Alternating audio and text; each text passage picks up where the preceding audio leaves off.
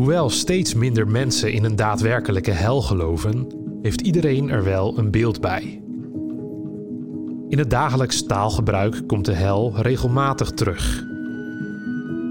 Het idee van eeuwige straf in een brandende hel is echter vandaag de dag niet alleen voor seculieren, maar ook voor veel christenen moeilijk te verteren. In vier afleveringen denken we in deze podcastserie na over de vraag: wat is christelijk denken en spreken over de hel in deze tijd? Deze lezingen werden gehouden op een studiedag over de hel van weetwatjegelooft.nl.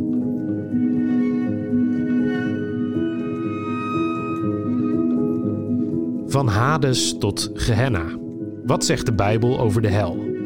In deze aflevering neemt Arco Den Heijer je mee langs een aantal sleutelpassages. Arco is docent Nieuwe Testament aan de Theologische Universiteit Kampen. Wat zegt de Bijbel over de hel? Daar wil ik uh, in dit half uur op ingaan. Wanneer we die vraag stellen op een studiedag over de hel, hebben we daar zo onze subvragen bij. Dat de Bijbel over de hel spreekt, valt moeilijk te ontkennen. Maar gaan alle ongelovigen naar de hel? Blijven ze daar dan voor eeuwig? Zal dat een oneindig bewuste gestraft worden zijn? Of biedt de Bijbel toch misschien ruimte voor de gedachte dat het vuur een louteringsvuur is, waarvan de duur in proportie staat tot de zwaarte van het kwaad dat iemand gedaan heeft? Dat zou wel beter aansluiten bij ons gevoel voor rechtvaardigheid. Wat ook beter te verteren zou zijn, is als ongelovigen na hun dood gewoon ophouden te bestaan, of in ieder geval op termijn aan de vernietiging worden prijsgegeven. Het zijn vragen die al even lang gesteld zijn. En de vraag is, hoe kunnen we op, uh, hiermee verder komen? In mijn bijdrage vandaag wil ik enkele Bijbelteksten vooral voor zichzelf laten spreken. Niet zozeer met onze vragen de Bijbel doorbladeren op zoek naar antwoorden, maar een aantal sleutelteksten die in verband met de hel vaak genoemd worden, in hun eigen context beluisteren en vragen wat ze ons te zeggen hebben. Zo komen we op het spoor waar de Bijbel zelf accenten legt en waar de Bijbel terughoudend over is. Wij hoeven niet alles te weten over het lot van anderen. God wil vooral met zijn woord jou en mij zelf aanspreken. Uh, vooraf wil ik nog twee opmerkingen maken over uh, het verschil in wereldbeeld en over onze Bijbelvertalingen. Het wereldbeeld uit de tijd van de Bijbel verschilt sterk van ons eigen wereldbeeld. En dat is denk ik belangrijk om dat te beseffen, wanneer we later op deze dag doordenken over hoe wij als christenen vandaag over de hel kunnen spreken. Veel christenen geloven dat er een hel is als een soort, nou ja, geestelijke werkelijkheid, net als de hemel. Deze hemel en hel lijken helemaal los te staan van de ruimte en tijd waarin wij leven en die door de natuurkunde bestudeerd wordt. De, de, de, aarde zoals we die vanaf de maan kunnen zien als we, als we naar de maan toe gaan. Uh, ze worden daarmee abstract, hemel en hel. En we kunnen ons ook maar moeilijk indenken dat er in de hel fysieke vlammen zullen zijn. Dat is beeldspraak, zeggen we dan. In werkelijkheid zal het vooral de afwezigheid van God zijn, die het bestaan eh, in de hel, of eigenlijk het niet bestaan in de hel, tot een kwelling maakt. U merkt, met die abstractie wordt uh, de hel eigenlijk ondenkbaar en daarmee ook uh, iets waar we niet zo goed raad mee weten. Dat is in de Bijbel helemaal anders. De Bijbel situeert Gods straf in het hiernamaals in plaatsen waar mensen, gelovigen en ongelovigen binnen en buiten Israël, een bepaalde voorstelling bij hebben.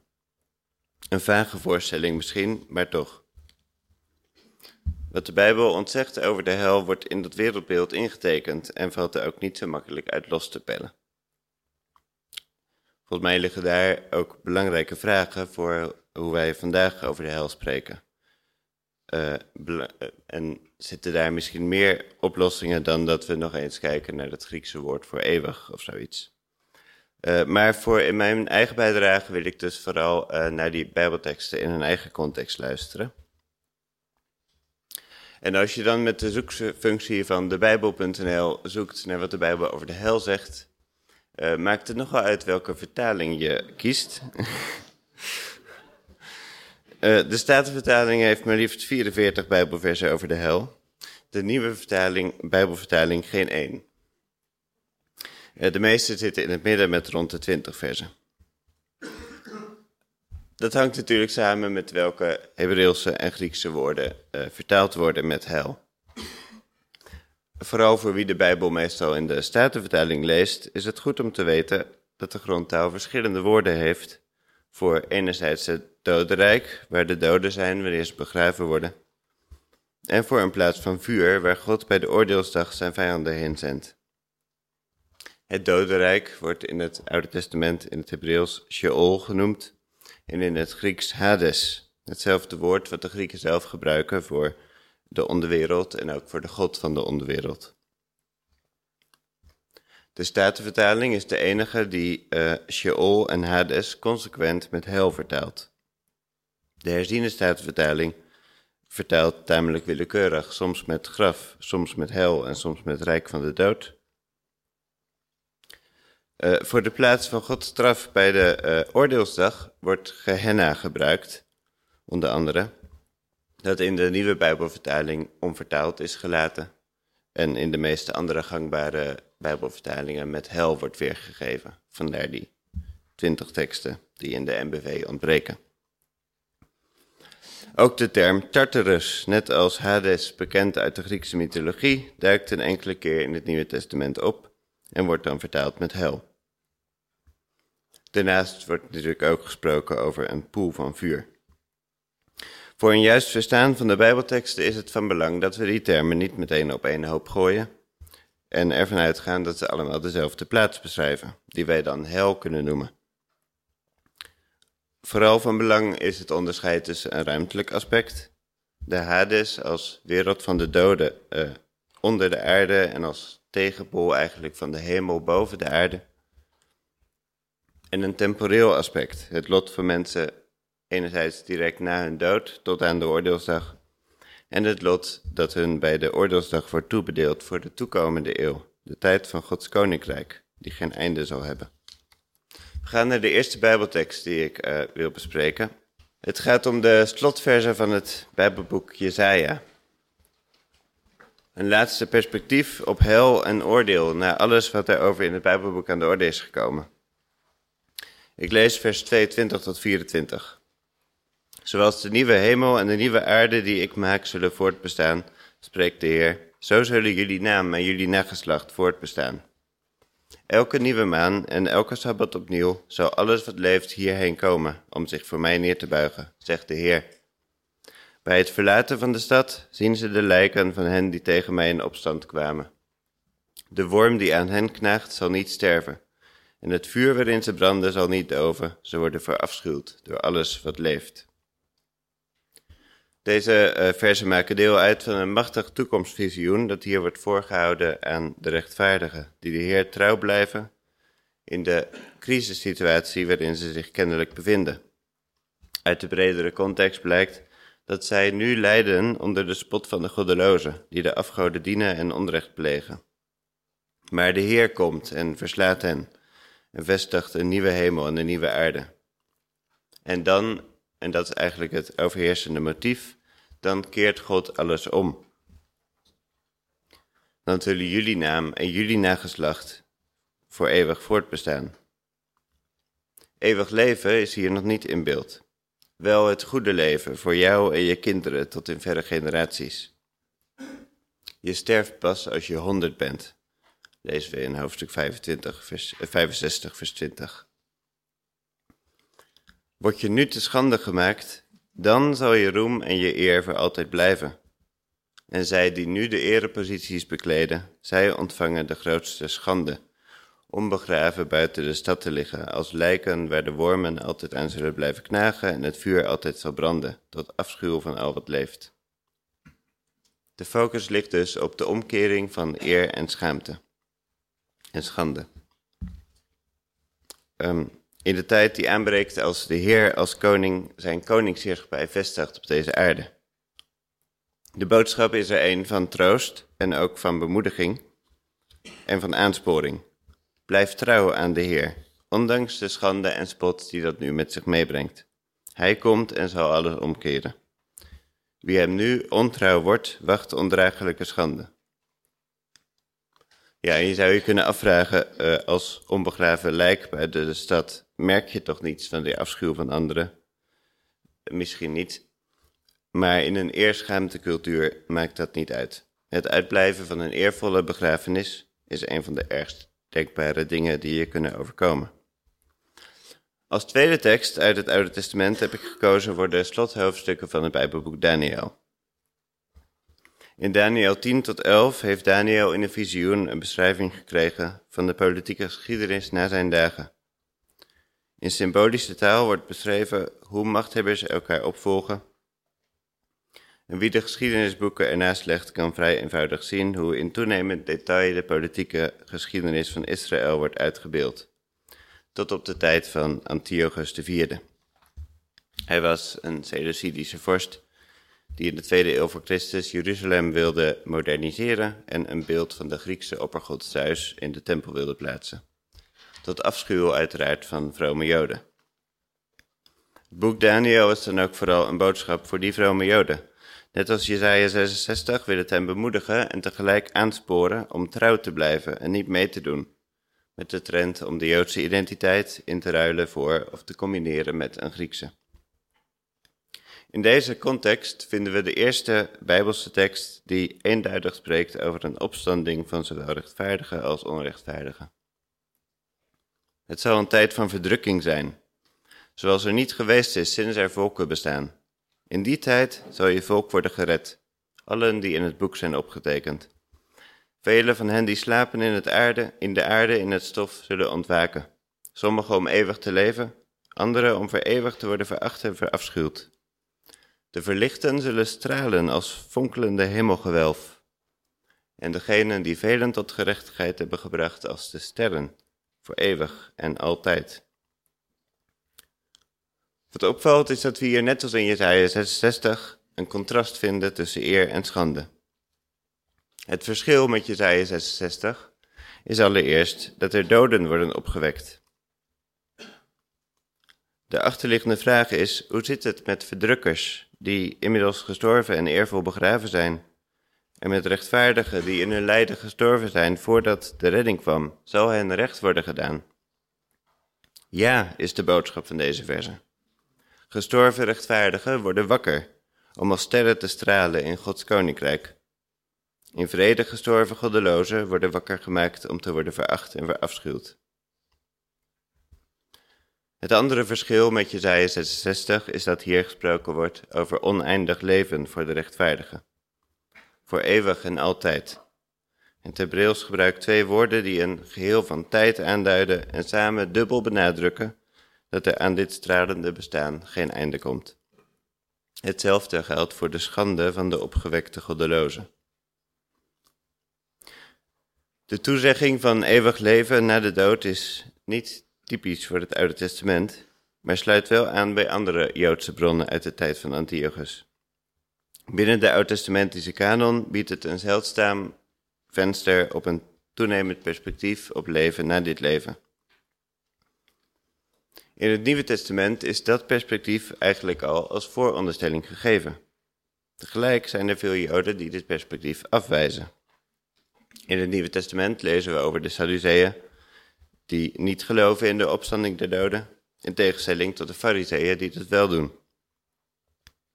Uit Joodse grafinschriften blijkt dat die Sadduceese minderheid, de Sadduceese positie bepaald geen minderheid was, maar vooral onder de elite, degene die zich ook een grafinschrift konden veroorloven, uh, veel aanhang had en daarin weinig verschilde van het beeld wat welgestelde Grieken en Romeinen van het leven na de dood hadden. Dat, je, dat het met de dood is afgelopen en dat je daarom uit het leven moet halen wat erin zit, kom je ook wel tegen op die grafinschriften. Ook al zit de Griekse mythologie vol met verhalen over tochten door de onderwereld en kwellingen in de Tartarus, Grieken en Romeinen uit met name de hogere klasse nemen dat met een korrel zout. En evengoed hebben veel rijke Joden weinig op met de apocalyptische voorstelling van een oordeelsdag en een opstanding naar eeuwig leven of eeuwige straf. Voor Johannes de Doper en voor Jezus maakt zij echter de kern van hun boodschap uit. Gods koningschap is nabijgekomen. Hij komt om de wereld te oordelen. En ook Paulus wint er geen doekjes om. Alleen geloof in Jezus redt van de toorn van God over de zonde die Jood en Heiden in hun greep houdt. In het Nieuwe Testament lees ik eerst Matthäus 10, vers 28, die ook een parallel heeft in Lucas 12, vers 5. Wees niet bang voor hen die wel het lichaam, maar niet de ziel kunnen doden. Wees liever bang voor hem die in staat is en ziel en lichaam om te laten komen in de Gehenna. In deze tekst vinden we eigenlijk op formule gebracht wat we eerder noteerden als de boodschap van Jesaja 66 en Daniel 12. Het uitzicht op leven na dit leven en op straf bij de oordeelsdag is een bemoediging en een aansporing. Wees niet bang voor machthebbers die je nu naar het leven staan. Voor Jezus' volgelingen is dat actueel, want Jezus zegt enkele versen eerder: Pas op voor de mensen, ze zullen je voor het gerecht brengen en je geestelen in een synagoge. Jullie zullen omwille van mij worden voorgeleid aan gouverneurs en koningen en een getuigenis moeten afleggen ten overstaan van hen en de volken. De verleiding is er om bang te worden en Jezus voor de mensen te verloochenen. Maar je hoeft voor hen niet bang te zijn, zij kunnen alleen je lichaam doden. Voor God moet je vrezen. Hij kan ziel en lichaam om laten komen in de Gehenna. Blijf Jezus daarom trouw, ook onder druk. Hij zal over je verdrukkers oordelen. En wat is dan die Gehenna? Kort daarover. Het woord is ontleend aan het Aramees voor het Hinnomdal, een dal bij Jeruzalem. In dat dal werden in de tijd voor de ballingschap, volgens onder andere 2 Koningen 23 vers 10, kinderoffers gebracht aan de Moloch. En volgens het principe God keert alles om, wordt juist dat de plek waar God zijn vijanden straft. De Gehenna wordt ook genoemd in Joodse geschriften uit de derde en tweede eeuw voor Christus, overgeleverd op de naam van Henoch. De man die voor de zonvloed met God wandelde en werd weggenomen. In 1 Henoch 27 bijvoorbeeld wordt de Gehenna genoemd als de plaats waar de goddelozen voor eeuwig gestraft worden. In een 1 Henoch 90 wordt dit verbonden met de voorstelling van een vurige afgrond. Dit beeld van de Gehenna staat aan de bron van de klassieke Joodse, christelijke en islamitische beeldvorming over de hel. Het Nieuwe Testament zelf is eigenlijk vrij terughoudend in de beschrijving van de Gehenna. Maar Jezus refereert er wel aan in een oproep tot volharding in het geloof in situaties van verdrukking.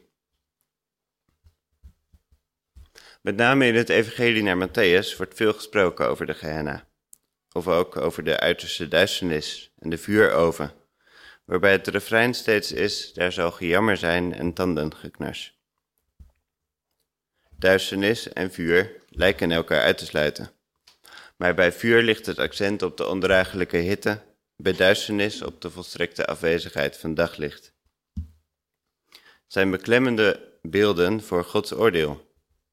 We lezen nog met de eerst 25, te beginnen bij vers 31. Wanneer de mensenzoon komt, omstraald door luister en in gezelschap van alle engelen, zal hij plaatsnemen op zijn glorierijke troon. Dan zullen alle volken voor hem plaatsnemen, worden samengebracht, en zal hij de mensen van elkaar scheiden, zoals een herder de schapen van de bokken scheidt. De schapen zal hij rechts van zich plaatsen en de bokken links. In het vervolg blijkt dat de scheiding niet zozeer is tussen gelovigen en ongelovigen, of tussen een kleine groep rechtvaardigen en de rest. Er vindt een scheiding plaats van de volkeren, op basis van hoe ze de broeders en zusters van Jezus hebben behandeld. Die broeders en zusters worden de minsten genoemd, de onaanzienlijksten. Daarmee is deze passage het slot van de vijfde grote redenvoering in het Evangelie naar Matthäus, de tegenpol van de zaligsprekingen, waarmee de eerste grote redenvoering begon. Gelukkig de armen van geest, want voor hen is het koninkrijk van de hemel. Jezus trekt zich het lot aan van de eenvoudigen, de nederigen, de armen. En uit Matthäus 25 blijkt dat ook bij Matthäus die armoede niet volledig vergeestelijkt is. Zij hongeren en dorsten naar gerechtigheid, maar zijn ook fysiek hongerig, buitengesloten uit de maatschappij, bespot en veracht, omwille van de gerechtigheid. De volken worden geoordeeld naar hoe ze hen behandeld hebben, want in hen hebben ze Jezus zelf ontmoet. We zien ook hier het omkeermotief als boodschap van troost en bemoediging voor hen die lijden omwille van de naam van Jezus. En in het slotvers is er dan sprake van een tweedeling, net als bij Jesaja en Daniel. Hun staat een eeuwige bestraffing te wachten, de rechtvaardigen daarentegen het eeuwige leven. Dit vers is een van de krachtigste bewijsteksten, als je dat zo wil zeggen, voor wat je de klassieke visie op de hel zou kunnen noemen. Er vindt een tweedeling plaats, eeuwige bestraffing of eeuwig leven. Het gebruikte Griekse woord aionios is afgeleid van aion, net als ons eeuwig is afgeleid van eeuw. Het betreft hier het leven of de straf in wat elders de toekomende eeuw wordt genoemd. Het tijdperk van Gods koningschap, dat begint met de oordeelsdag en dat geen einde zal hebben. Dan zullen de rechtvaardigen voor altijd leven, maar zij die hen bespotten en verachten, zullen voor altijd worden gestraft. De tekst toont hier geen interesse in proportionaliteit, in het geven van een passende straf voor ieder naar de mate van het kwaad wat hij gedaan heeft. Die interesse vinden we wel in buitenbijbelse beschrijvingen van de hel, waar de hel beschreven wordt als een landschap met allerlei verschillende poelen en vuurovens, voor elk type zonde een passende straf. De Bijbel is opvallend terughoudend hiermee, maar richt zich op de centrale boodschap. God keert alles om en zij die nu Jezus onaanzienlijke broeders minachten, zullen eens een verdiende straf ontvangen. We zouden natuurlijk nog veel andere teksten kunnen behandelen uit de evangeliën en uit de brieven, maar vanwege de tijd ga ik meteen door naar openbaring. De slothoofdstukken van openbaring met name. Die roepen natuurlijk allerlei vragen op, wanneer je ze probeert in te passen in andere bijbelteksten over Jezus' komst, over de wederkomst. Met name de interpretatie van het duizendjarig rijk is dan lastig. Maar als je de tekst gewoon op je in laat werken, is het een indrukwekkende ontknoping, waarbij in opeenvolgende stappen de overwinning van Christus wordt beschreven. De straf voor de duivel en zijn handlangers en de beloning voor de martelaren die gedood zijn omdat ze het beest en een beeld niet aanbaden. Ook hier hebben we dus een aansporing en bemoediging om trouw te blijven aan Jezus. Concreet gaat het bij het beest en zijn beeld waarschijnlijk om het meedoen met de keizercultus. En verder blijkt uit de openbaring 2 en 3 dat het eten van offervlees ook in het geding is. De verleiding voor de gemeente in Klein-Azië is groot om tot op zekere hoogte te participeren in het normale sociale verkeer, wat ook altijd religieuze aspecten heeft. Er zijn Joden die dat doen en dan verder veel ruimte krijgen om samen te komen en te leven volgens hun eigen tradities. Maar hier keert het boek zich veel tegen. Joden die dat doen, dienen de Satan en zijn de synagogen van de Satan. De volgelingen van Jezus mogen hier niet in meegaan. En om hen dat op het hart te drukken, wordt een zeer radicaal contrast geschilderd tussen de martelaren enerzijds en de leugenaars, afgodendieners en moordenaars anderzijds. En hun lot is dan ook diametraal tegenovergesteld. In hoofdstuk 19 lezen we hoe het woord van God het beest en zijn aanhangers verslaat. Het beest werd gevangen genomen samen met de valse profeet die in zijn bijzijn tekenen had verricht, waardoor hij iedereen had misleid die het merkteken van het beest droeg en zijn beeld aanbad. Levend werden ze in de vuurpoel met brandende zwavel gegooid. De rest werd gedood door het zwaard dat uit de bond van de ruiter op het paard kwam, en alle vogels aten zich vol aan hun vlees. Dit is oorlogstaal. De vijand is verpletterend verslagen. De tekst maakt daarbij nog wel enig onderscheid tussen het beest en de valse profeet, die levend in de vuurpoel worden gegooid, en degene die, die door hen misleid zijn, die met het zwaard worden gedood en door de vogels gegeten. In hoofdstuk 20 lezen we vervolgens over de grote aanstichter van al het kwaad. Hij wordt eerst voor duizend jaar opgesloten in de onderaardse diepte.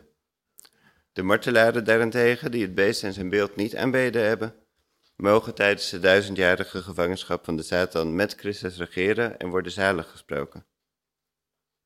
Daarna wordt de Satan weer heel even losgelaten en dan tenslotte in de vuurpoel geworpen. Daarmee wordt zijn ondergang en straf heel dramatisch voorgesteld.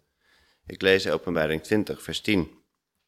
De duivel die hem is leiden, wordt in de poel van vuur en zwavel gegooid, bij het beest en de valse profeet. Daar zullen ze dag en nacht worden gepijnigd, tot in eeuwigheid. Dag en nacht gepijnigd tot in eeuwigheid. Het grootst denkbare kwaad krijgt de grootst denkbare straf. Let erop dat dit hier niet over iedere ongelovige gezegd wordt, maar over de Satan met zijn directe handlangers, het beest en de valse profeet. Ook elders blijkt dat de hel allereerst voor hen bestemd is. Matthäus spreekt over het eeuwige vuur dat bestemd is voor de duivel en zijn engelen. Wie zich met de duivel tegen Christus keert, gaat ook met de duivel ten onder. Maar dat is niet waar de mens toe bestemd is. En deze Bijbelteksten willen met een indrukwekkende beelden juist bereiken dat de lezers niet misleid worden, maar Christus trouw blijven. Het visioen van Johannes gaat verder naar een volgende scène. Na de overwinning op de vijand volgt nu het oordeel over de doden. Toen zag ik een grote witte troon en hem die daarop zat. De aarde en de hemel vluchtten van hem weg en verdwenen in het niets. Ik zag de doden, jong en oud, voor de troon staan. Er werden boeken geopend. Toen werd er nog een geopend, het boek van het leven. De doden werden op grond van wat in de boeken stond geoordeeld naar hun daden.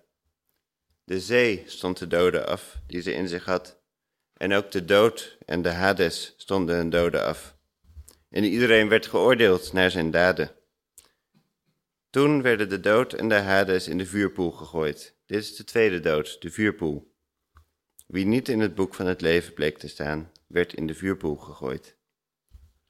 Dood en Hades, de machten van de dood, worden overwonnen en gestraft door in de vuurpoel geworpen te worden, bij de Satan, het beest en de valse profeet in. Ook ieder die niet in het boek van het leven bleek te staan, wordt in de vuurpoel gegooid. Dat wil niet per se zeggen dat ze daarmee ophouden te bestaan. We hebben zojuist nog gelezen dat de Satan dag en nacht tot in eeuwigheid gepijnigd wordt in de vuurpoel. Van hen die niet in het boek van het leven staan, lezen we dat niet zo expliciet, maar het wordt ook niet uitgesloten. Duidelijk is dat de vuurpoel straf betekent, straf voor de vijandschap tegen God, waarbij de straf van Satan de meeste aandacht krijgt. Toch is de vuurpoel even buiten beeld in de volgende scène. Ik zag een nieuwe hemel en een nieuwe aarde, want de eerste hemel en de nieuwe eerste aarde zijn voorbij en de zee is er niet meer. Dood, zee, Hades, Satan, beest en iedereen die Jezus volgelingen naar het leven staat, zijn voorgoed verdwenen in de nieuwe hemel en aarde, waar God in het nieuwe, nieuwe Jeruzalem bij de mensen zal wonen. Dat is het blijde vooruitzicht voor hen die trouw blijven in hun getuigenis van Jezus. Voor hen die ontrouw zijn, herhaalt Johannes echter nog eens de dreigende straf in vers 8 van hoofdstuk 21. Voor hen die laf en trouweloos zijn geweest, die zich hebben ingelaten met gruwelijke dingen, met moord, ontucht, toverij of afgodendienst. Voor alle die de leugen hebben gediend. Hun deel is de vuurpoel met brandende zwavel, dat is de tweede dood. Een compromis is niet mogelijk. Wie Jezus niet onverdeeld trouw blijft, dient te leugen, is een moordenaar en afgodendienaar. Het contrast wordt zo scherp gesteld om gelovigen zoals die in Laodicea op te roepen zich van hun walgelijke lauwheid te bekeren. En om, om, en om gelovigen zoals die in Smyrna te bemoedigen, wees trouw tot in de dood, dan zal ik u als lauwerkrans het leven geven. Wat mij opviel bij het lezen van deze Bijbelteksten en andere Bijbelteksten die ik later weer uit mijn presentatie heb geknipt, uh, is dat ze primair gericht zijn aan gelovigen in tijden van verdrukking. En dan niet uit een soort plezier over het leed dat hun vijanden zal treffen, maar met een sterk waarschuwende ondertoon. Blijf trouw, buig niet voor de machthebbers van deze wereld. Want als je dat doet, zul je met hen ten onder gaan. God zal over hen triomferen en hen straffen en zijn straf weegt zwaarder dan wat ze jou kunnen aandoen. Dat is de boodschap die tot ons komt uit deze teksten. Daarmee laten ze veel van onze vragen onbeantwoord. Tekst zijn er niet, de teksten zijn er niet voor bedoeld om ons precies te informeren over de aard van de hel. Het gaat hier om een krachtige aansporing tot volharding, waarin de beelden van de hel de retorische functie hebben om de zwaarte van Gods straf te benadrukken. De eeuwigheid van die straf geeft het gewicht ervan aan. Tegelijk is Gods overwinning op het kwaad zo absoluut dat gesproken kan worden in termen van vernietiging en er niet meer zijn voor alles en iedereen die het goede leven in Gods nieuwe wereld zou kunnen bedreigen. Die beide aspecten blijven onopgelost naast elkaar staan in het Nieuwe Testament. En tenslotte mogen we ook niet uit het oog verliezen dat de Bijbel elders ook andere accenten legt. Ik sluit daarom af met 1 Timotheus 2. Bid voor alle koningen en gezagsdragers, opdat we rustig en ongestoord kunnen leven in alle vroomheid en waardigheid. Dat is goed en welgevallig in de ogen van God onze Redder, die wil dat alle mensen worden gered en de waarheid leren kennen. Want er is maar één God en maar één middelaar tussen God en mensen, de mens Christus Jezus, die zichzelf gegeven heeft als losgeld voor allen, als het getuigenis voor de vastgestelde tijd. Om dit te verkondigen ben ik als apostel aangesteld. Om dit te verkondigen ben ik aangesteld, schrijft Paulus. Niet om mensen de hel voor te houden, maar om het hel te proclameren, een boodschap van hoop en redding, omdat Jezus zichzelf gegeven heeft als losgeld voor allen. Er zijn dus tijden en situaties waarin het nodig is om gelovigen de ernst van Gods oordeel voor te houden. Maar dat is niet de spits van onze boodschap aan de wereld. Die boodschap luidt: God wil dat allen gered worden. Hij maakt alle dingen nieuw. Dank u.